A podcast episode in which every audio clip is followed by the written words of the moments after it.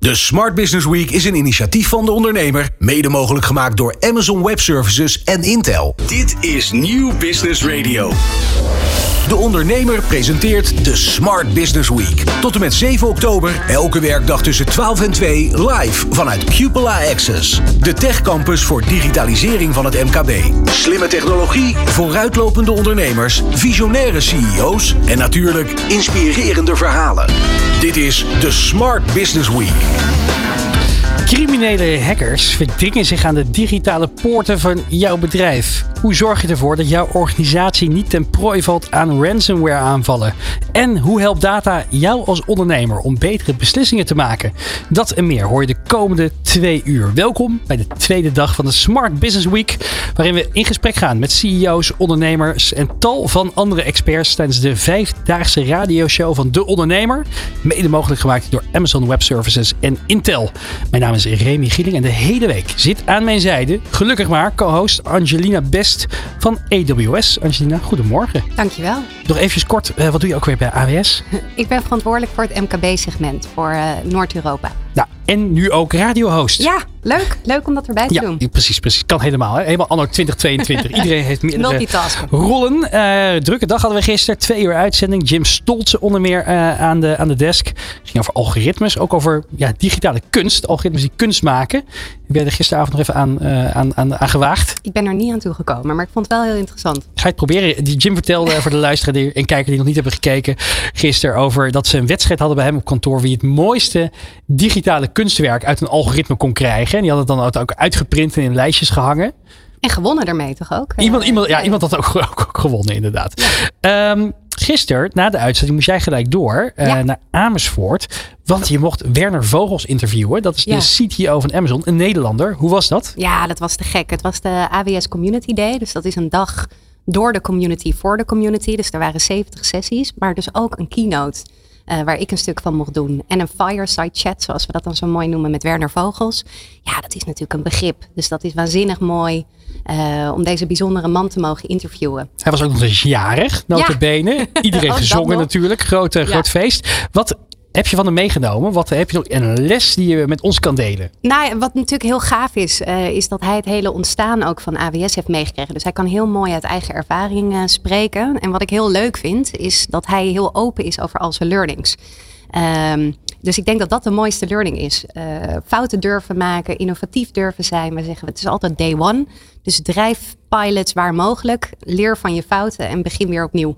Wat hoop je vandaag te leren? Ja, ik vind cybersecurity vind ik altijd een heel nou, abstract uh, concept. En ja. ik denk dat voor veel bedrijven toch een soort van ver van de bed en een beetje eng is. Het overkomt mij niet, hoor nee, je ook al ja, vaak. En een beetje lastig en het klinkt ingewikkeld. Dus ik zou eigenlijk uh, nou, er gewoon wat beter gevoel met, uh, met wat voorbeelden bij willen krijgen. Van hey, wat betekent het nou en hoe voorkom ik het ook, uiteraard. Nou ja, gelukkig is aangeschoven aan de desk de tafelheer van het eerste uur. Hij is Mr. Cybersecurity. Als hoofd van IZ Nederland weet hij als geen ander welke digitale dreigingen er op ons afkomen. En hoe we ons daar het allerbeste tegen kunnen beschermen. Ik heb het over niemand minder dan Dave Maasland.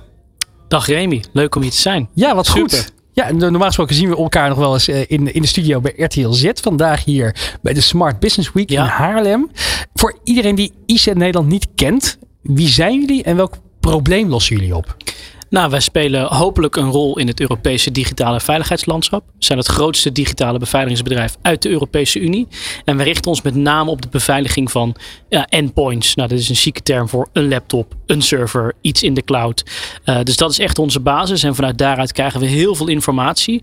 Ja, en wij voelen dat ook echt als onze verantwoordelijkheid om met die informatie mensen te informeren. Dus mensen kennen ons wellicht ook wel van de onderzoeken die we doen. Wat gebeurt er op dit moment in Oekraïne? Als je het hebt over digitale oorlogsvoering. Wat gebeurt er bij Nederlandse bedrijven? Nou, die informatie proberen wij vooral uh, te geven aan mensen. En daarom ben ik ook heel blij dat ik hier iets met angst misschien wel weg kan nemen. Of dan wel praktische voorbeelden kan geven. Nou, uh, Iset komt oorspronkelijk uit Bratislava. Uh, ja. Jij bent verantwoordelijk met jouw team voor, voor Nederland. Want ze, ja. ze hebben gekozen voor een hele lokale presence. Voor een lokaal, uh, om, ja, om klanten zo, best, zo goed mogelijk te kunnen bedienen. Moet je ook gewoon lokaal actief zijn. Is, is de filosofie daarachter. Hoe ziet de organisatie in Nederland eruit? Ja, wij zijn ongeveer met een, met een team van 80 mensen.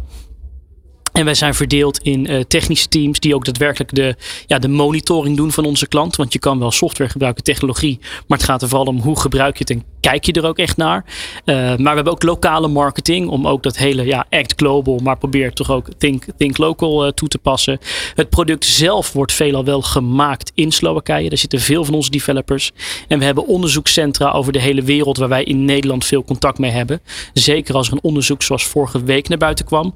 Dat er een Nederlands defensiebedrijf geraakt zou zijn hmm. door de Lazarusgroep. Dan denken mensen, heeft dat iets met alcohol te maken? Nee, uh, de Lazarusgroep is een andere naam voor een criminele groepering die ook wel wordt gelieerd aan de Noord-Koreaanse overheid. Uh, dus ja, wij proberen toch wel een soort sleutelrol in Europa te, te vervullen.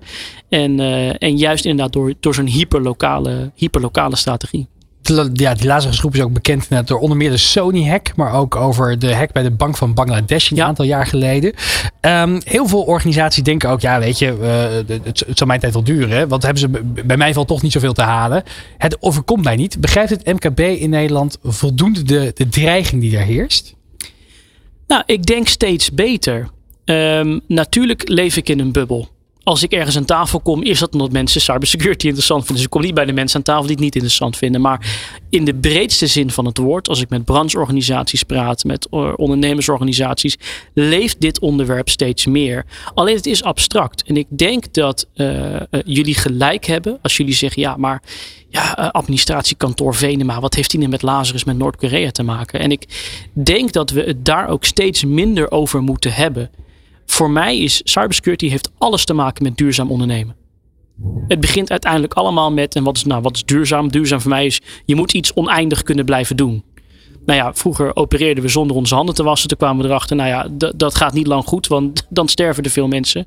En digitaal zaken doen zonder digitale hygiëne, dat gaat gewoon niet meer.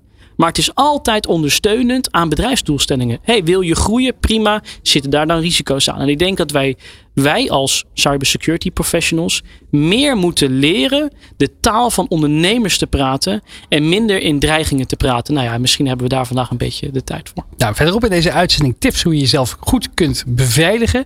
Deze hele week zijn we live te zien en te horen vanuit Cupola Access voor de Smart Business Week. En mocht je, eh, mocht je meer willen weten over de thema's die voorbij komen, kijk dan vooral op deondernemer.nl. Daar vind je relevante artikelen en whitepapers met praktische tips en ook kan je daar vinden uh, meer informatie over de Smart Business Roadshow. Vier evenementen in november. Kriskras door het land. Waarbij je de sprekers die hier aan tafel staan zelf kunt ontmoeten. En ze jouw uitdagingen kunt voorleggen. Neem daarvoor dus een kijkje op deondernemer.nl. Gaan we nu snel door met het programma. We gaan van start.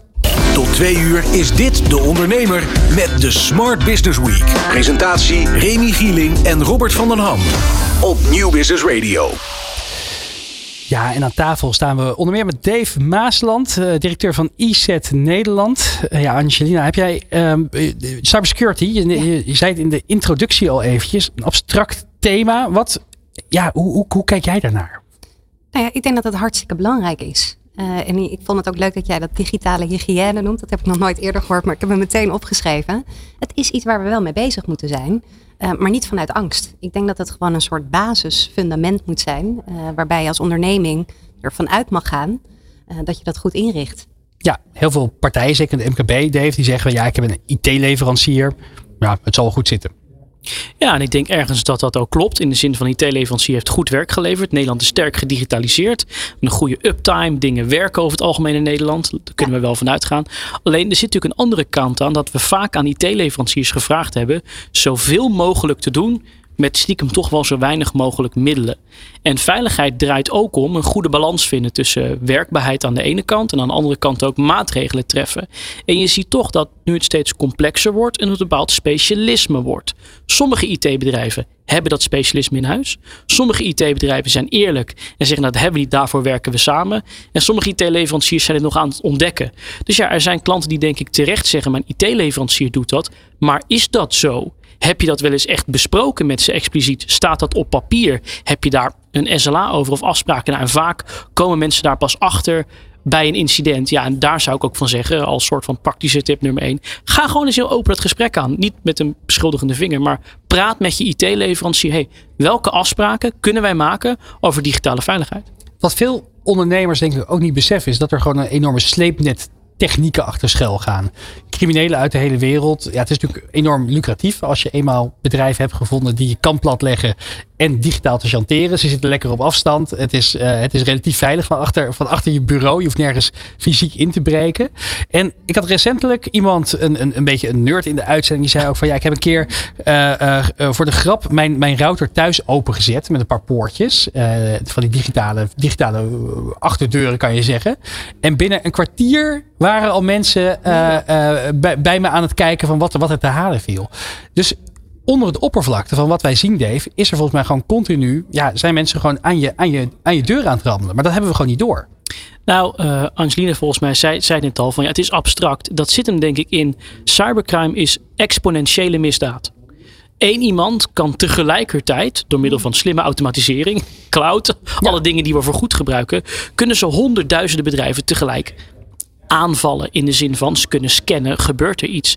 En dat is een concept wat nog moeilijk te begrijpen is. Dat wij zeggen tegen MKB'ers, joh MKB'er, als jij zegt ik ben geen doelwit, heb je waarschijnlijk gelijk.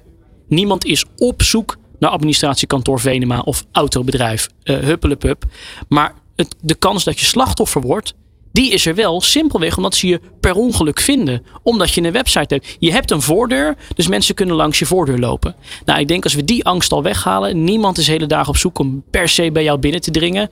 Maar als ze de kans zien geautomatiseerd, ja, dan zullen ze die wel pakken. En ik denk dat we daar vooral ook meer bewustzijn voor moeten creëren dat dat gewoon simpelweg hm. zo werkt. Ja, Angelina, wat veel mensen ook niet weten is dat als een bedrijf eenmaal is aangevallen en een ransomware aanval is succesvol, dat zo'n organisatie gemiddeld genomen 23 dagen plat ligt. Ongelooflijk, hè? Ja. Kan je je voorstellen wat voor effect dat heeft op bedrijven? Want dat is het gemiddelde, hè? dus sommige liggen er twee en sommige liggen er 100 dagen plat. Ja. Nou ja, en vaak heeft dat dus ook weer impact op de manier waarop zij hun klanten weer kunnen bedienen. Dus uh, ja, dat, uh, de impact is enorm. En dan ben ik ook wel nieuwsgierig, Dave, want uh, kun jij een, een, getal noemen van hoe vaak gebeurt dit nou, bijvoorbeeld in Nederland? Hoeveel bedrijven worden geïmpact? Nou, dat is heel moeilijk. Of uh, de vraagstuk altijd, wat is nou echt een cyberaanval? Is als iemand die websites kent ook al een cyberaanval. Maar goed, laten we even kijken naar een statistiek die het meest gebruikt wordt. Die we ook wel kennen vanuit verzekeringsrapporten. Die schetsen eigenlijk een beeld waarvan ze zeggen, nou, de kans dat je uh, brand hebt in een vorm is 1 op 8000. Nou, daar hebben we allemaal een brandverzekering voor. Want dat vinden we allemaal, dat is ook verschrikkelijk. Uh, de kans dat je slachtoffer van zo'n dergelijke aanval wordt die Reminet zijn, gijzelsoftware, is 1 op 8. Nee. Dus als je die getallen aanneemt, ook vanuit de verzekeringsrapporten, ja, dan kan je ervan uitgaan dat dat iets is wat je gaat overkomen, of in ieder geval een, iemand een keer per ongeluk gaat gebeuren. En dat is denk ik waar ja, uh, uh, digitale veiligheid om draait. Twee dingen: het beschermen van bedrijfs- of van geheimen. Dat kunnen informatie zijn voor jou of wat dan ook. En het beschermen van bedrijfscontinuïteit. En ik denk dat beide belangrijk zijn, maar we het vooral ook met ondernemers moeten hebben. Daarom geloof ik ook, het is duurzaam ondernemen. Duurzaam is ook met al je stakeholders rekening houden. Rekening houden met data van je personeel. Dat je in een keten zit. Uh, dat je een verantwoordelijkheid hebt voor data. Daarom denk ik, het is gewoon onderdeel van good practice als je onderneemt. Om hier, uh, hier in ieder geval op een bepaald niveau mee aan de slag te gaan. Verderop in de uitzending gaan we ook even wat praktische tips geven. Wat mensen kunnen doen, wat ondernemers kunnen doen om hun bedrijf veilig te houden en draaiend te houden. Wat um, ik een interessante vind, is de rol ook van, van de mensen in het geheel. Want we denken inderdaad, het gebeurt allemaal geautomatiseerd. Maar vaak zijn ze natuurlijk ook op zoek naar ja, de meest kwetsbaarheden in de organisatie. Mm. En dat is toch ook vaak het vertrouwen dat wij mensen in anderen hebben. Recentelijk, dat gaan we weer even terug naar het onderzoek wat jullie recentelijk hebben gedaan over dat defensiebedrijf in Nederland, wat uh, door die Lazarus groep zou zijn aangevallen. Dat ging over een medewerker die werd benaderd via LinkedIn door een zogenaamde recruiter. Dat zag er allemaal helemaal goed uit, fotootje erbij, goed, goed cv. Die zei van, hé, hey, misschien, um, uh, uh, we vinden jouw profiel zo goed passen bij een technologiebedrijf. Exact. Um, ik heb een cv ik heb, ik, heb, ik heb een job description bijgevoegd in een documentje. Open het even, kijken of dat voor je is.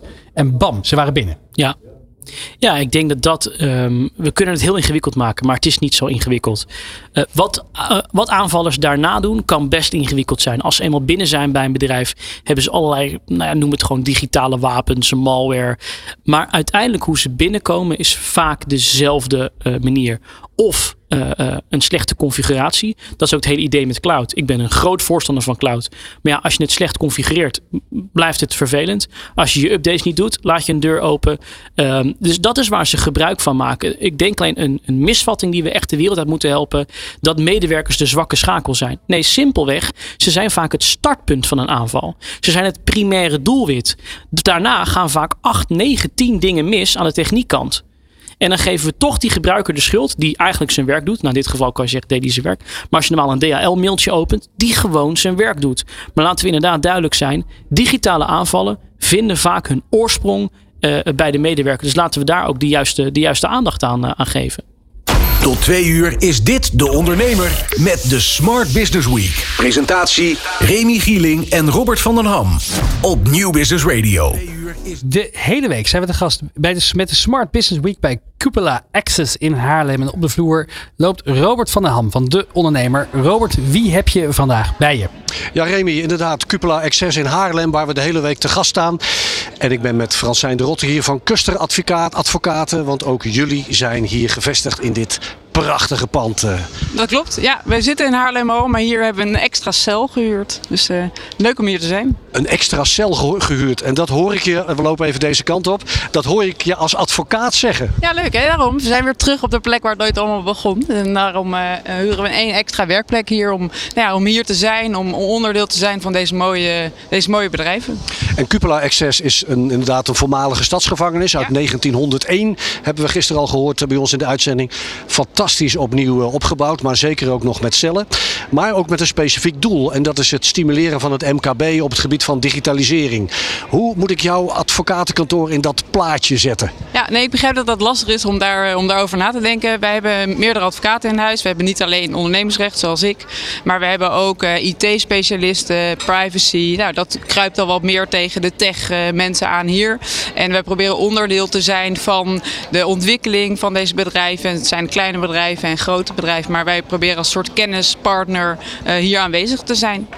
We laten meteen nog even een aantal van die locaties zien. Hè? Want ik gaf al aan, het is werkelijk een prachtlocatie aan de rand van het centrum van, van Haarlem. De compleet verbouwde stadsgevangenis. Ik zie heel veel glas en ik zie uh, heel veel contact hier natuurlijk ook bij het restaurant. Die begrijp ik dan nog vanwege de koffie. Hoe makkelijk is het juist dan om met misschien wel potentiële klanten ook voor jullie ja. hier in contact te komen? Ja, heel makkelijk. Je loopt hier eigenlijk rond en je komt altijd meteen uh, bekende mensen tegen of niet en je raakt in gesprek. Uh, dat komt door al dat glas. De cellen zijn niet al te groot, maar je moet juist buiten die cel je bewegen en dan ontmoet je heel veel leuke nieuwe inspirerende mensen. Je hebt net al even iets meer toegelicht over de rol van jullie advocatenkantoor juist hier. Wat kun je breder vertellen over jullie bedrijf? Hoe we jullie uh, kunnen zien, hoe jullie ingezet worden? Nou, wij zijn niet alleen in Noord-Holland zijn wij, uh, zijn wij groot, maar wij doen eigenlijk heel, heel Nederland. En nou, ik doe zelf uh, overnames en ondernemersrecht. maar ook contractenrecht doen we veel, IT, arbeidsrecht, veel flex um, arbeidsrecht. En nou ja, eigenlijk het hele plaatje kunnen wij, kunnen wij klanten mee helpen. Als we dan toch weer even inzoomen op digitalisering en MKB. Tegen wat voor juridische problemen zou men kunnen, kunnen aanlopen? Ik bedoel, het gaat vandaag ook over cybersecurity.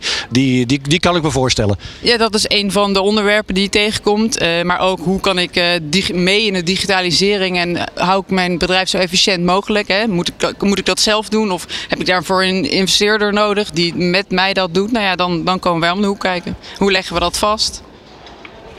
Is het nog heel veel ook in de categorie opvoeding te doen? Is het echt vanaf nul af aan beginnen? Of zijn er echt al bedrijven waarvan je zegt van ja, digitalisering staat daar toch veel meer op de kaart, bijvoorbeeld sinds corona? Die zijn er zeker, uh, maar nog steeds merk je dat we daar nog wel een stap in te maken hebben. Uh, maar ja, je hebt van allerlei soorten bedrijven en de bedrijven zijn er absoluut die daar in coronatijd een jaar lang uh, extra gas op gegeven hebben en daardoor voorlopen. Die focus uh, juist in Cupola Accessie ligt op dat MKB. Wat speelt daar op dat gebied dan op dit moment vooral? Wat proef jij? Nou ja, hoe, hoe hou ik mijn bedrijf zo efficiënt mogelijk en hoe ga ik mee in die digitalisering? En wat, hoe kan ik me onderscheiden van een concurrent die daar al mee bezig is? En heb ik, ben ik te laat of kan ik nog instappen? En dat, uh, ja, dat is lastig soms. Dat is nog steeds lastig inderdaad. Francine, uh, jullie hebben meerdere kantoren. Gaf je al aan, hoe vaak ben jij hier? Want ik kijk om me heen en ik denk, dit is uh, seven days a week. Uh, ja, maar ik doe het niet alleen. Ik heb gelukkig ook andere leuke collega's die in het kernteam van de koepel zitten, zoals we dat dan noemen op kantoor. En die, wij proberen in ieder geval dagelijks hier iemand te hebben lopen die, ja, die vragen kan beantwoorden en die in contact kan komen met, met mensen. Ik vraag het ook, want het is inspiratietroef. Hè? Onze cameraman laat het al zien. Beneden zijn er bioscopen, theaters. En boven inderdaad met die binnenring, met al dat glas en alle bedrijven en ook opleidingen die hier zitten. Is het inspiratietroef? Als ik het even, ik kijk meteen even naar Remy. Als je naar onze locatie kijkt, het enige inspirerende zeggen wij wel eens. Als schapje tegen elkaar is het groen wat tussen de tegels groeit. Uh, hier is dat alles behalve aan de hand. Hoe, hoe werkt dat op jou en je team?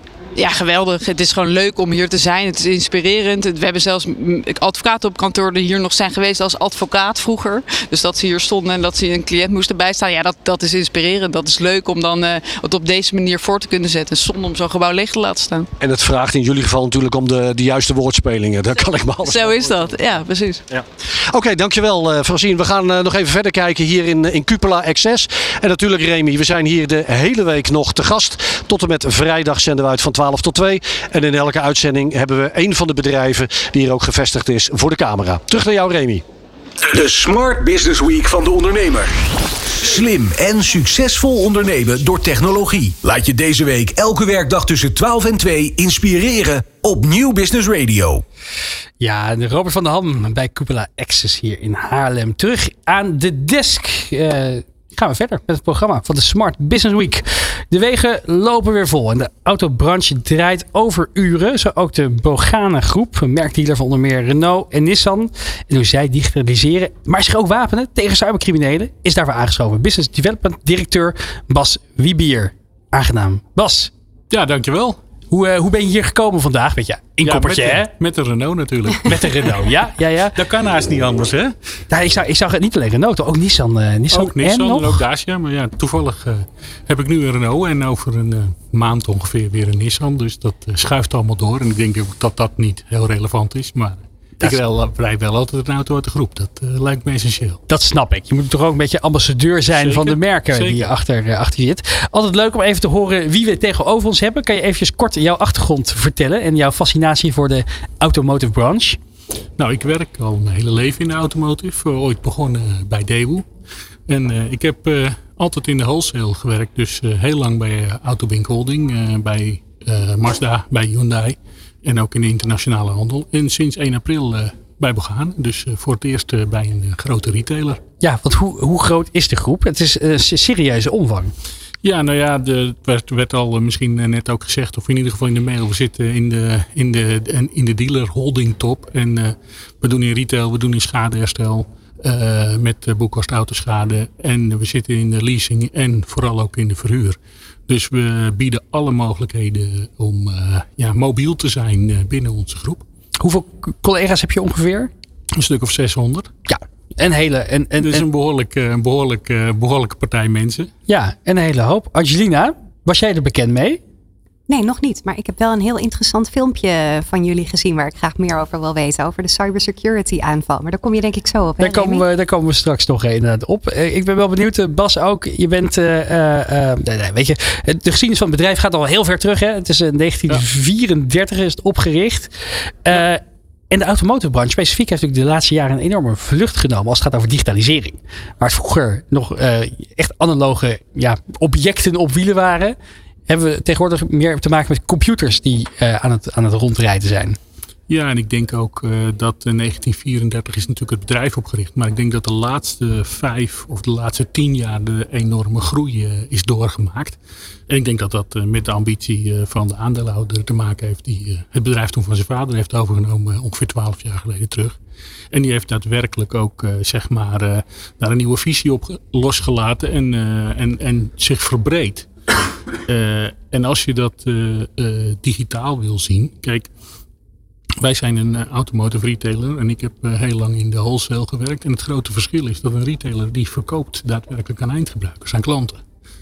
En ik denk dat digitalisering, dat is voor alle producten die je efficiënt wil doen. Maar ja. effectief is het niet altijd, want effectief blijft uiteindelijk ook dat mensen gewoon met elkaar praten. En wij, moeten het, wij moeten het hebben van, van advies en gunning. Dus wij moeten praten met klanten over van wat ze nou precies willen. Wat wij ze daarvoor uh, kunnen bieden. Dat moeten ze leuk vinden. Als, ja, als business development directeur heb je natuurlijk veel te maken met die klanten. Ja. Hoe zetten jullie digitale middelen in om ze te bereiken en goed van dienst te zijn? Nou kijk, dat digitaal, dat wordt vooral in dat efficiëntiestuk wordt dat steeds belangrijker. Dus dat betekent dat je uiteindelijk minder kansen krijgt om, om, om, ja, om effectief te zijn, om met klanten te communiceren. En als een bedrijf groter wordt, wordt het ook eh, steeds moeilijker om ja, iedereen persoonlijk te kennen. Uh, en daar hebben we digitale oplossingen voor in de zin van databases, websites, uh, chatfuncties, nou alles wat daarbij samenhangt. En onze kunst is uiteindelijk om gevoel te creëren met een computer. Ja, en, en dat is denk ik ook de grote uitdaging waar we de afgelopen jaren voor staan. Hoe kan je mensen het gevoel geven dat ze bij jou goed zitten. Het gevoel geven dat ze een goed advies krijgen. Ervoor zorgen dat ze jou ook wat gunnen. In, dat en in dat effectieve proces. En die efficiëntie, die, dat, dat is feitelijk voor een, voor een verkoper is dat ruis. Dus het maken van een afspraak of dat soort zaken.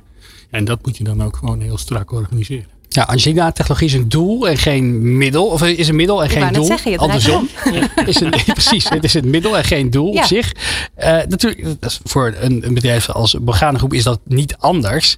Zij willen vooral beter hun klanten bedienen. Ja. Hoe denk jij dat technologie daar een rol in bij zou kunnen spelen? Nou ja, ik vind het, uh, uh, hij noemt natuurlijk al hele goede voorbeelden. Dus ik ben ook wel benieuwd naar de resultaten die je tot nu toe daarin hebt gezien. Of is dat nog te vroeg om daar iets over te zeggen? Nee, want dit is niet iets wat met mijn komst begonnen is, om het zo maar te zeggen. We zijn natuurlijk al heel lang bezig om uiteindelijk uh, toch ja, echt contact te hebben met mensen. Ja. En dan kan je je natuurlijk heel erg verzetten tegen allerlei digitale vormen, maar uh, daar, daar kom je niet meer mee weg. Dus uh, de mensen willen nou eenmaal gewoon via de telefoon een afspraak maken of digitaal via de telefoon. En onze, onze taak is om ervoor te zorgen dat we ook ruimte maken voor dat, uh, voor dat gesprek. En ja. voor, voor, voor, die, voor, die, voor die andere communicatie. Want ik kan me voorstellen dat digitalisering daarin ondersteunend is. Hè? Dus dat je ja. eigenlijk al uh, nou, de klant op weg helpt dat hij gerichter uiteindelijk bij jullie in de winkel komt. Uh, omdat hij zich ja. al wat beter heeft kunnen voorbereiden. Ja, en we zien de andere kant op dat mensen ook zeg maar toch wel ja, digitaal al een keuze maken. En uiteindelijk uh, bij het aflevermoment daar, uh, daar bevestiging zoeken. En dan is het natuurlijk een heel groot deel van het verkoopproces al geweest. Maar hetzelfde geldt ook voor de werkplaats. Ik bedoel, uiteindelijk wil iemand gewoon digitaal een afspraak maken. Wil hij digitaal alles regelen. Wil hij van tevoren weten wat het ongeveer gaat kosten. Maar hij wil toch met een techneut praten over iets geks wat hij hoort in zijn auto. Ja. En ja, dan kan je natuurlijk wel zeggen van vul dat ook in, in, uh, in, een, in een vrij veld. Om het zo maar te zeggen.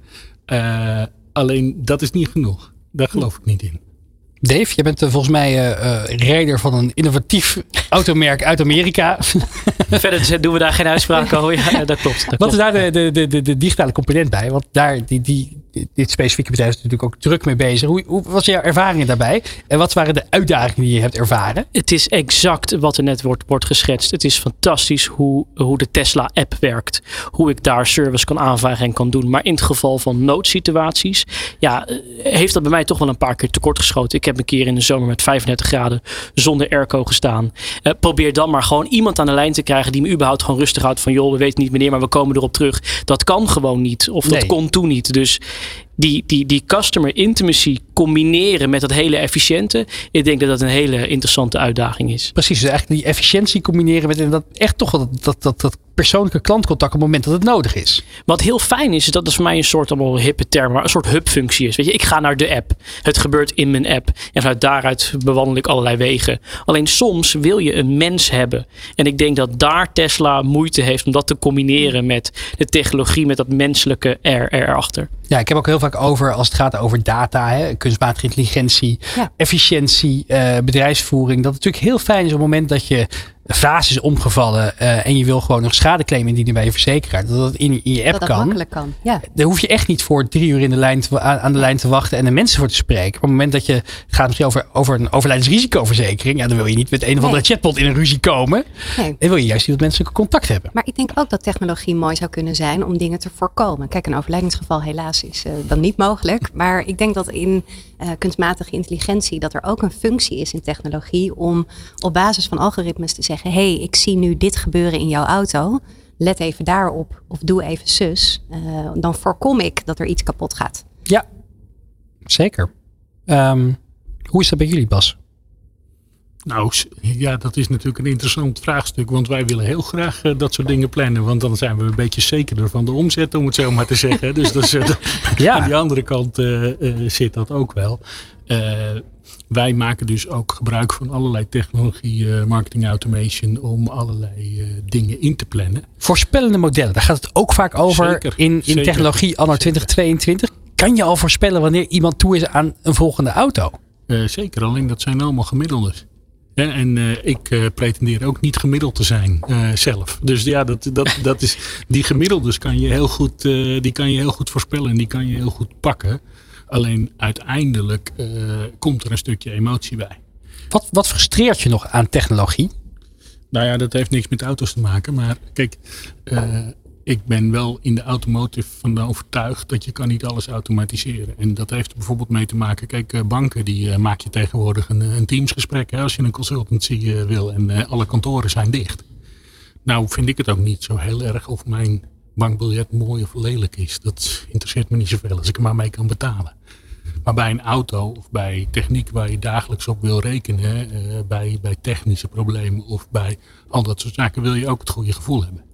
En uh, daarom ben ik wel gelukkig in de automotive. Want daar hoort gewoon ook een groot stuk gevoel bij. En dat krijg je alleen van een mens. Dat krijg je niet van een apparaat. En natuurlijk, dat betekent niet dat je die mens fysiek hoeft te zien. Nee, je kan ook zeggen, dat doen we online bellend. Of ja, allerlei vormen kan je daarin kiezen. En dat zien we bijvoorbeeld wel als eerste bij gebruikte auto's. Uh, is altijd een uniek product. Hè? Er is er maar eentje van. met die kilometerstand en met... Ah, en ja, die zoeken mensen online uit. Maar ze willen wel nog voordat ze hem daadwerkelijk afnemen, dan moet ik toch een keer fysiek zien. Dus daar moet, je, daar, moet je iets voor faciliteren. Je kan op een gegeven moment zeggen, ik kan heel mooi met, me, met mijn smartphone, uh, met de camera door die hele uh, gebruikte auto heen lopen. Ik kan laten zien, hey, er zit misschien wel een uh, kleine schade of hier is iets bijzonders aan dit product. Maar uiteindelijk, om ook op die manier helemaal 100% te verkopen, de betaling binnen te krijgen en door iemand te laten afleveren, ja, dat, dat, dat is nog denk ik wel een, een stap te ver. Dave, wat denk jij? Tesla heeft onlangs de, de, de Optimus bot bekendgemaakt ook. Hè? De, de, de fysieke ja, humanoid ja. robot die ook taken van ons uit handen moet gaan nemen. Wat denk jij? Zal een mens toch een belangrijk component hierin blijven? Nou, de vraag is natuurlijk altijd, wat voor bedrijf is Tesla? Is het eigenlijk wel een autobedrijf of is het een softwarebedrijf die AI maakt? Ik geloof wel in die visie. Ik weet niet of het allemaal zo snel moet gaan zoals het nu gaat. Of we altijd alleen moeten kijken naar wat kan er. Soms moeten we denk ik ook eerder afvragen, wat willen we eigenlijk? Welk probleem willen we oplossen? Maar ik denk dat technologie ons uiteindelijk gaat helpen meer mens te zijn. We zijn niet gemaakt voor repetitieve taken, heel lang op de grond zitten. En als zo'n robot ons nou kan helpen om ons meer tijd te geven om echt menselijke dingen te kunnen doen, vind ik dat best wel een pakkende visie eigenlijk van uh, onze, nou ik weet niet vriend, maar van uh, Elon Musk. Angelina, je klikt, je, je ja, klikt, je klikt mee. Mooi. Ja, dat zegt hij heel mooi. Ja. En, uh, ja, efficiëntie, het wegnemen van, van, van zaken die niet heel veel waarde toevoegen. Dat is natuurlijk heel relevant. Ik denk dat iedere business, maar ook gewoon iedere consument daar enorm mee geholpen is. Ja, um, Bas, ja, het is een beetje een heet hangijzer, maar uh, jullie groep, de autogroep uh, uh, heeft, is ook onlangs slachtoffer geworden van online criminelen. Mm -hmm. daar, daar weet Dave Maasland als geen ander van de hoed en de rand. We, we, komende vrijdag is, is daar ook een reportage over bij RTL Z Cyber Sessies. Kan iedereen aanraden om te kijken. Al dus wij van WC Eend. Adviseren. Wij adviseren om dat, om dat vooral te kijken. Um, uh, kan je eventjes kort misschien nog vertellen, want je bent niet, natuurlijk niet de expert op dat gebied, maar kan je vertellen wat, wat, de, wat het effect daarvan is geweest? Nou, feitelijk dat je niks meer kan. Dat is uiteindelijk het, het effect wat het is. En we zijn dus best wel een behoorlijke periode uh, dicht geweest, om het zo maar even heel banaal te zeggen. Uh, ik was toen nog niet bij Bogane, dus ik heb het zelf niet fysiek ervaren. Maar mensen die dat meegemaakt hebben, die zijn wel uh, daar uh, behoorlijk gefrustreerd over. Kijk, in een, nou, ik zeg een uurtje uit de lucht met alle systemen, dan kan je met een kladblok en een pen kan je nog redelijk een, een eind komen. Hè? En dan moet je misschien later het allemaal nog een keertje inkloppen. En, maar als dat langer gaat duren, ja, dan, dan wordt dat natuurlijk heel vervelend. En ga je ook handel missen, ga je omzet missen, gaan klanten daar last van hebben. En dat is alles wat je niet wil. Aan de andere kant, en ik denk dat dat uh, de andere frustratie is, het is natuurlijk ook, uh, ja, hoe zeg je dat? Uh, het is, je wordt er kwaad van als iemand feitelijk je bedrijf overneemt. dat, dat, dat, voelt niet goed. Dat is ook iets wat daarbij hoort. En wij hebben dat dus opgelost zonder daaraan toe te geven. Alleen dan kan ik me voorstellen dat onze aandeelhouder wel een paar keer in zijn kantoor heeft gezeten en eigenlijk zeg maar iemand in elkaar wilde slaan, om het zo maar te zeggen. omdat je toch, ja, je bent daar dag dag dagelijks mee bezig om, uh, om het zo goed mogelijk te krijgen. En dat is op een of andere manier gewoon helemaal uh, van je afgepakt. Hoor je dat, dat vaker, Dave? Dat, uh, bij IZ Nederland dan, dat mensen zeggen: Ik word er gewoon fysiek kwaad van dat mensen mij dit aandoen. Ik denk dat je precies iets interessants aanhaalt waar het te weinig over gaat, namelijk de impact op de ondernemer zelf. wat, wat er eigenlijk beschreven wordt, is: je bedrijf krijgt een digitale hartstilstand. En iemand anders heeft een defibrillator en zegt: Als je betaalt, wil ik me de best wel een keer voor je opzetten. Je en dan nog maar hopen dat, dat het werkt. Ik heb Thijs één keer mogen ontmoeten. En die heeft mij echt gezegd, en volgens mij mag ik dat wel zeggen. Die zegt, Dave, uh, Bogane is, is mijn DNA. Het is mijn kind. En ze hadden mijn kind. En ik, kon er, en ik kon er niks aan doen. En met alle gevolgen. En als hij dat vertelt, nou ja, ik, ik, ik krijg daar echt kipvel van op die manier. Hoe hij dat beleefd heeft. En, en, en de onmacht. En, maar ook wel de eensgezindheid die het dan geeft. En we gaan er toch voor. Uiteindelijk hebben ze het gehaald. Maar ik denk dat we die kant, wat het doet met een onderneming als je echt niets meer kan. Ja, dat we dat echt niet mogen onderschatten. Ja, Bas, laatste vraag hierover. We zitten nu natuurlijk in, de, in 2022. Um, als we even vooruit kijken, uh, kijk je in de toekomst, 2030, 2035. Hoe denk jij? Hoe ziet de autodealer van de toekomst eruit? Schets een beeld. Nou, kijk, ik, ik denk dat je daarmee ook meteen een van onze grootste huidige dilemma's uh, aantikt. Want als we praten over de klanten van vandaag, dan praten we over klanten over het algemeen ongeveer van mijn leeftijd en misschien ietsje jonger. En dan ja, ik had vroeger geen mobiele telefoon uh, tot mijn 21ste of mijn 22ste. En uh, ik weet nog dat de eerste computer bij ons in huis kwam. Die stond in de gang en daar mocht iedereen gebruik van maken. Uh, als wij businessplannen maken, dan heb ik nu net weer vanochtend toevallig gepresenteerd over Gen Z. Hè, de mensen van, die nu een jaar of 25 zijn die een heel ander beeld hebben bij online kopen. Die, die nog nooit de situatie meegemaakt hebben dat ze niet ergens binnen een eh, centimeter of dertig van een hand een mobiele telefoon hadden bijvoorbeeld. Of een tablet. Uh, die hebben daar een andere beleving. En dat betekent dat daar moeten we naartoe op een of andere manier. Hè? Want die zijn over 10 jaar of over 15 jaar onze klanten. Tegelijkertijd kunnen we niet weg van, uh, van die mensen die nu onze klanten zijn. Hè? Want die moeten voor de continuïteit voor de komende maanden zorgen. En daar zit uh, het grote uh, ding. Wij moeten op dit moment dus beide faciliteren. En ik ben ervan overtuigd dat een auto uh, blijft een emotioneel ding. End of the day. Dus die showroom die gaat nooit helemaal weg. Alleen die zal minder bezoek krijgen of die zal een ander soort bezoek krijgen. En dat zie je natuurlijk ook. Je ziet nu showrooms in malls ontstaan. Je ziet allerlei andere manieren waarop mensen die auto toch kunnen ervaren. En dat moeten we allemaal faciliteren.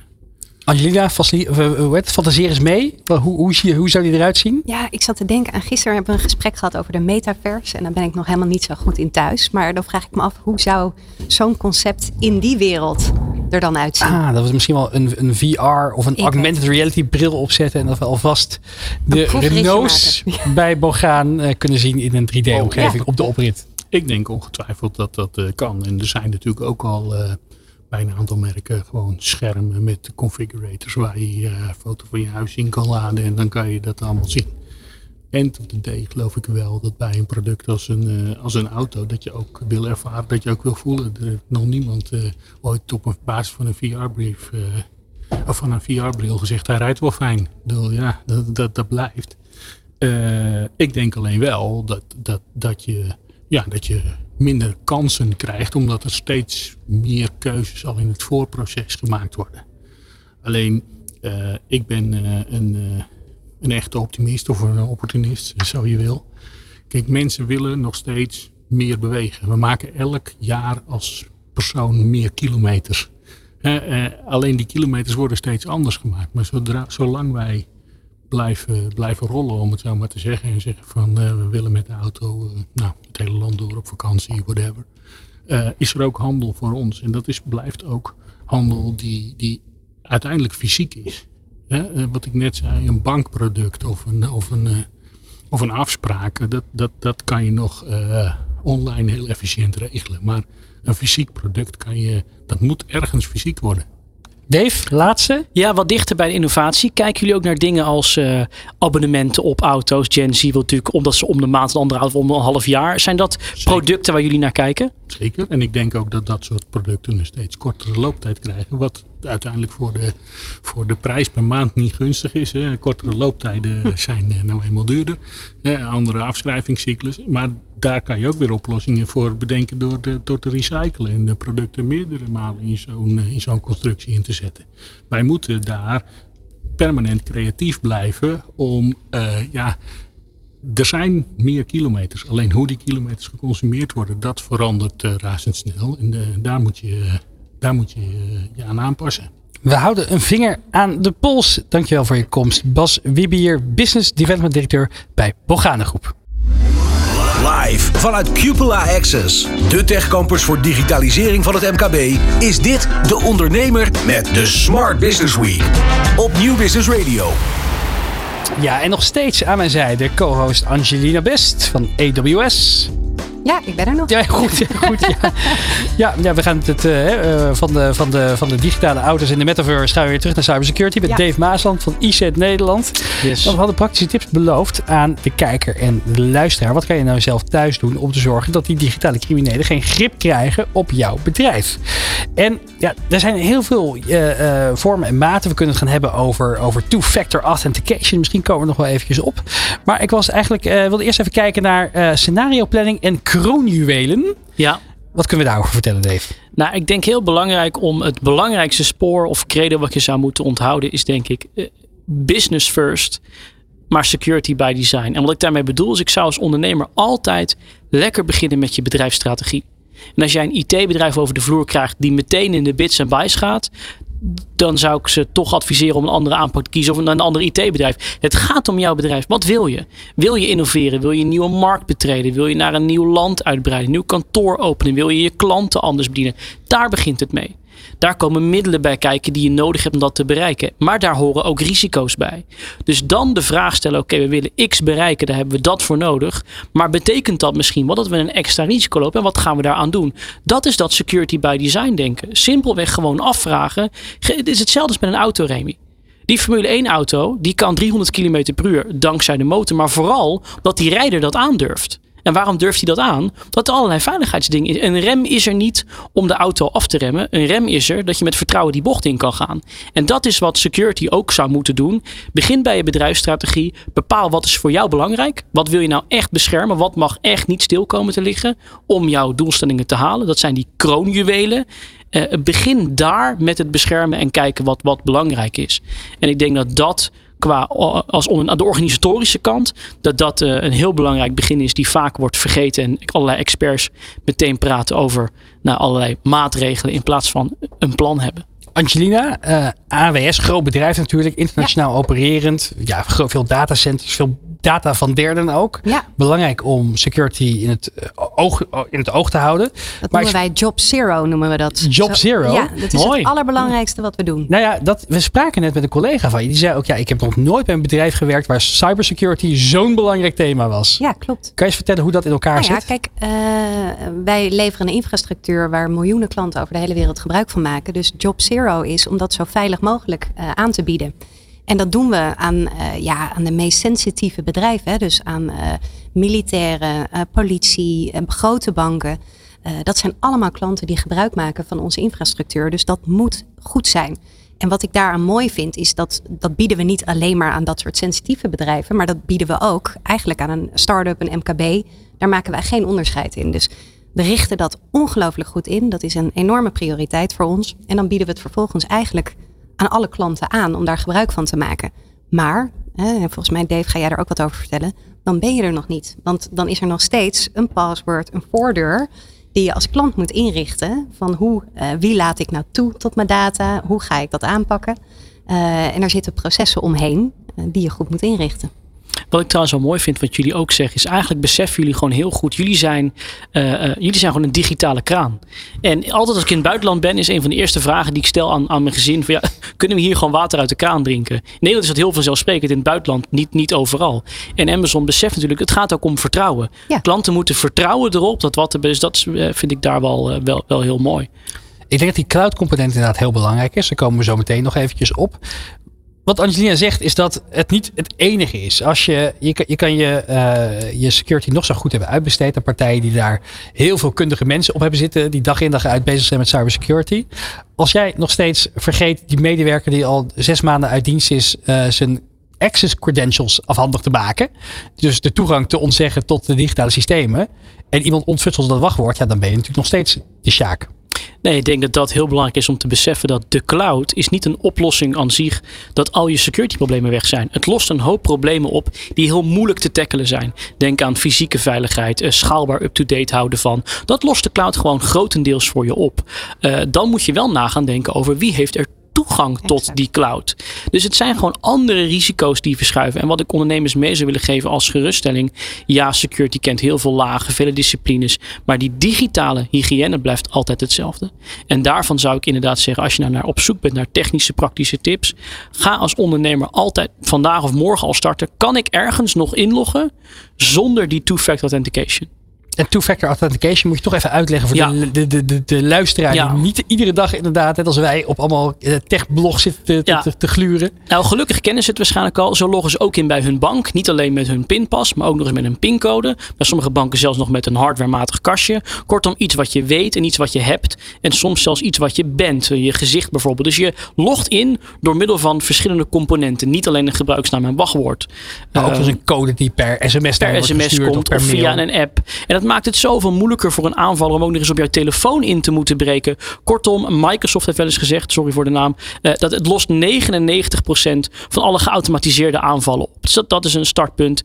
Um, Two-factor authentication. Ja. Ieder zet het. Als je nu een ondernemer bent en je weet dat je nog inlogt met alleen de gebruikzaam en wachtwoord, dat is echt opereren zonder je handen te wassen in, de, in dit digitale tijdperk. Nou, vond ik het interessante. Uh, recentelijk heeft een ander bedrijf uh, heeft, heeft een mooi boek geschreven over, over uh, dat ze waren gehackt. Help even met de naam. Hoppenbrouwers. Hoppenbrouwer, ja. techniek. Ja, een mooi boek. Echt aanrader voor iedereen die wil weten wat de impact kan zijn van een hack en hoe zij het hebben opgelost. Ze hebben het in een weekend hebben ze het samen met het bedrijf Northwave weer voor elkaar gespeeld om, om daar ja. dat, dat op te lossen. Wat zij wel zeiden was, um, uh, ze, waren, ze waren gehackt en um, ze wisten dat ze een cyberverzekering hadden. Maar ze waren even vergeten bij wie ook alweer. En ja, dat antwoord stond natuurlijk op de mailserver die ook plat lag. Ach. Dus Dave, schrijf ook fysiek een noodplan. De, de, de, de term digitale uh, hygiëne, het kan allemaal heel basis zijn. Denk je aan het fysiek opslaan van plannen, maar überhaupt heb gewoon een plan waarin stapsgewijs staat wat je. Paniek is het allerslechtste wat je kan doen. Weet wie je moet bellen. Schrijf dat ergens ook fysiek op. En ik denk van tevoren wat wij missie gaan tijdens incidenten, is dat bedrijven keuzes moeten maken in real time. Dus met een geweer op je hoofd moet je een keuze maken. En dat is heel erg lastig. En eigenlijk wil je van tevoren, zeker de iets grotere ondernemingen, die hebben hier ook wel de tijd voor. Doe aan scenario planning. Want de hele vraag, moet ik wel of niet betalen? Ik vind het echt een non-discussie. Als je een energiebedrijf bent en je ligt plat en je kan pas over 24 uur leveren en je enige optie is betalen, anders ligt dat ziekenhuis plat, dan betaal je. Dus de vraag is, hoe lang kan ik zonder mijn kraanwater? Hoe lang kan ik zonder IT? Dus scenario's maken, maar nogmaals, begin dan maar eens gewoon met die twee-factor authenticatie. Maak het updaten en patchen echt topprioriteit nog in je organisatie, wat je nog wel op locatie hebt staan. En ga eens het gesprek aan met je IT-leverancier. hey, wat moet ik nou nog meer doen gezien mijn risicoprofiel? Als je daar al mee start, binnen één of twee weken, of laten we zeggen een maand, ben je echt al een aantal uh, grote stappen verder. En encryptie zou ik er ook aan willen toevoegen. Nou, dat is een he hele belangrijke. Ik, soms vergeet ik dat dat uh, niet eens een stap daarboven is. Inderdaad, kijk, de data kan wel heel veilig en super zijn bij, bij uh, bijvoorbeeld AWS. Alleen als iemand toegang krijgt met de inloggegevens van Remy, staat jouw data natuurlijk gewoon daar mooi uh, glimmend in, in de kast, zonder slot en grendel. Dus wat je wil, is ook altijd nadenken: wil ik encryptie toepassen ook in de cloud? Dus hè, toegang tot de cloud en de data in de cloud, dat zijn nog steeds jouw verantwoordelijkheden. Of versleutel alleen die data die voor jou heel erg belangrijk is. Denk aan paspoorten van je medewerkers. Ja. Of, dus ga ook gewoon nadenken welke data wel of niet. Daarbij wil ik wel toevoegen. Hè, dus het is zeker een verantwoordelijkheid voor een klant. Maar daar hebben we ook altijd een gesprek over met een klant. En we bieden ook heel veel tools hè, om een klant Maak te het laagdrempelig. Ja, ja, ja. ja. En we hebben ook uh, well-architected frameworks. Waarbij we met een klant kijken van joh, heb je het nu goed ingericht, efficiënt ingericht, maar ook veilig ingericht. Dus het is voor ons echt een uh, verantwoordelijkheid die we gezamenlijk oppakken. Mooi. Veel ondernemers zullen ook een beetje het idee hebben van ja, het voelt misschien een beetje eenzaam. Ik, sta, ik ben eindverantwoordelijk. Wie moet dit gaan doen? Ik heb, ik heb 20 medewerkers of 30 of 40. Wat, hè, wie, wie, wie, wie kan ik hierbij betrekken? Niemand heeft het echt als core in zijn rol zitten bij mijn bedrijf. Jij zegt, uh, uh, doe het niet alleen. Stel een rescue team samen. Ja, ik ben heel erg fan van uh, dingen kopiëren uit de fysieke praktijk. Daar hebben we allemaal bedrijfshulpverleners. Uh, ik, zou, ik pleit heel erg voor, stel digitale hulpverleners aan in je organisatie. Um, ga niet uh, twintig man helemaal trainen. Niet iedereen vindt het leuk, niet iedereen heeft er een gevoel bij. Pak die mensen die zeggen, hey, ik vind het belangrijk. Ik heb misschien net wat meer verstand ervan, ik heb achtergrond. En train die dan. Die vier mensen, wat moet je doen als er een, als er een ransomware aanval is? geef die een extra presentatie. Laat die eens een keer naar een seminar of naar een congres gaan. Dan heb je altijd in je organisatie vier ambassadeurs. Je hebt meteen het begin van een crisisteam. Ja, en zo creëer je denk ik ook dat in die organisatie mensen ambassadeur zijn voor dit onderwerp. En het concept is denk ik al uh, 100 jaar oud. Een bedrijfshulpverlener, stel een digitale hulpverlener aan. Kunnen we jou bellen, Angelina? ja, waarom ook niet? Doe maar. Ja, precies. Ja. Ben jij onze, ben onze digitale BHV'er? Ja. Uh, verzekeren of niet, Dave? Dat hangt er vanaf. Nee, kijk, er zitten hele uh, belangrijke voordelen aan. Namelijk die one-stop shop. Je weet dan wie je moet bellen.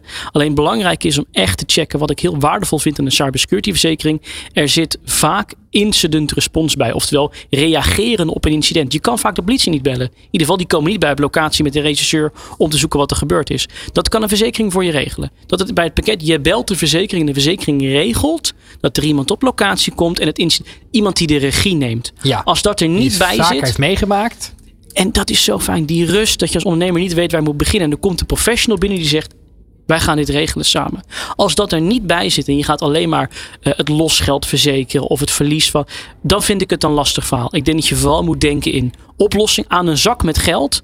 Heb je niet zoveel, Johan Cruijff. Ik heb nooit een zak geld zien scoren. Nou, ik heb ook nooit een zak geld een incident zien oplossen. Dus dat is heel lastig. Maar is dat niet heel duur wat je nu zegt? Ik kan me voorstellen dat de gemiddelde MKB'er denkt, jeetje, een rescue team. En... Nou, dat is het probleem. Die balans. In het begin zag je dat cybersecurity verzekeringen de markt wilden pakken. Alleen dit risico is zo enorm groot dat verzekeraars nu zeggen, ja, ho, wacht even. Jij zei net al even, hè? Van, uh, een, de ja, kans, op brand, op kans op brand is 1 op 8000. Ja. Kans op cyberaanval ja. is 1 op 8. Maar er komen steeds meer oplossingen. Er komen dus steeds meer ondernemers bij. Dus als de vraag stelt, kan die prijs omlaag? Maar ik denk dat het heel terecht is om toch echt even goed te kijken. Weeg het tegen elkaar op en wat kunnen we aan die preventieve kant doen? De eisen worden ook steeds groter, toch? Die, die verzekeraars stellen aan bedrijven. En terecht, wat, waar, waar kunnen we aan denken? Nou, ik denk dat ze een deel van de oplossing zijn. Zij vragen gewoon ook dingen in de fysieke wereld. Heb je je deur op slot gezet? Heb je sprinklers? Oftewel, heb je een antivirussysteem ook op al je apparaten staan? Heb je een backup? Heb je die wel eens getest? Heb je astma? Niets wat zij vragen is vreemd. Alleen, soms komt er ook uit, je moet nog even je best doen voordat we je gaan verzekeren. Maar als je dat proces aandurft en je daarvoor open staat, gaat het denk ik alleen maar beter maken. Alleen ja, daar zal je wel de tijd voor moeten nemen. Ja, Angela? Ja, een onderdeel van, uh, van dat soort gesprekken, weet ik uit ervaring van verzekeraars, is ook, uh, moet je er dus niet over nadenken om naar de cloud te gaan. Want daarin is die update-cyclus, die investering, het voldoet aan alle ISO-certificeringen, uh, et cetera, is toch een belangrijk gegeven, wat het toch veiliger maakt. Ja, ik denk dat zorgen dat je je infrastructuur ook overzichtelijk hebt. En dat je in ieder geval voor een paar dingen kan vertrouwen op partijen die dit, die dit goed snappen. En ik denk dat we daar ook die angst van cloud een stukje weg moeten nemen. Nee, niet al je risico's zijn weg. Maar risico's die heel moeilijk zelf te dekken zijn voor ondernemer. Exact. Die pakt zo'n uh, zo'n organisatie voor je over. Ja, en dus schrijf het op een briefje. Want dat, dat, daar blijft het ook gewoon bij. Hoe ze, je wachtwoord? Precies. nou, ik zou zelfs zeggen voor ouderen die zo'n wachtwoord thuis al maar moeilijk vinden. Ik heb liever dat ze op een briefje fysiek verschillende wachtwoorden opschrijven. De kans dat er fysiek bij ze wordt ingebroken is vele malen kleiner ja. dan digitaal. En de noodnummers. Daar bedoelde, daar bedoelde ik eigenlijk ook op. Ja. Van, okay. als, je niet, als je noodnummers staan opgeslagen op je computer ja. Ja, en je kan nergens meer bij komen. Remy, overal in dit gebouw waar we staan hangen vluchtplannen op waar je heen moet als er brand is. Ja. Zo'nzelfde is natuurlijk ook digitaal. Daar moet gewoon ergens staan. Wat moet je doen? Waar moet je heen? Nogmaals, heel veel dingen maken we complex. Er is al veel uitgevonden. Nou, en gelukkig is er digitaal ergens een cybernoodplan te vinden. Ik zal niet meer noemen waar dat is. Maar als je googelt, dan zou je, vast, zou je er vast op komen. Uh, en uh, ja, iedere, iedere vrijdag kan je, kan je er meer over vinden. Maar ik vond het in ieder geval weer een feest om jou in de uitzending te hebben, Dave. Want je weet altijd het, uh, het, het, een complex thema heel toegankelijk en begrijpelijk te maken. Dus dank hiervoor voor je komst. Als de luisteraar of kijker hier ook meer over wil weten, er staat een heel mooi artikel uh, met allemaal tips van jou op deondernemer.nl. Ook een verdiepende whitepaper waar ja. we nog dieper ingaan wat je nou wel en niet moet doen. Download hem even, stuur hem rond. En uh, vergeet niet te komen naar de, uh, naar de Smart Business Roadshow in november. Een aantal events, altijd eentje bij jou in de buurt. Kijk daarvoor ook op deondernemer.nl. We gaan even tussenuit uh, voor de break. Zometeen zijn we terug met het tweede uur van de Smart Business Week hier vanuit Cupola Access in Haarlem. Dan horen we onder meer hoe het Amsterdam Data Collective groeit als call en klanten helpt in de complexe wereld van data science. Hebben we het over educatie en de rol van digitalisering. En horen we hoe je meer grip houdt op je zakelijke sociale media. Nou, genoeg reden om te kijken, blijven kijken en luisteren. luisteren. We zijn zometeen bij je terug. Dit is de Smart Business Week van de ondernemer op Nieuw Business Radio. In samenwerking met Amazon Web Services en Intel.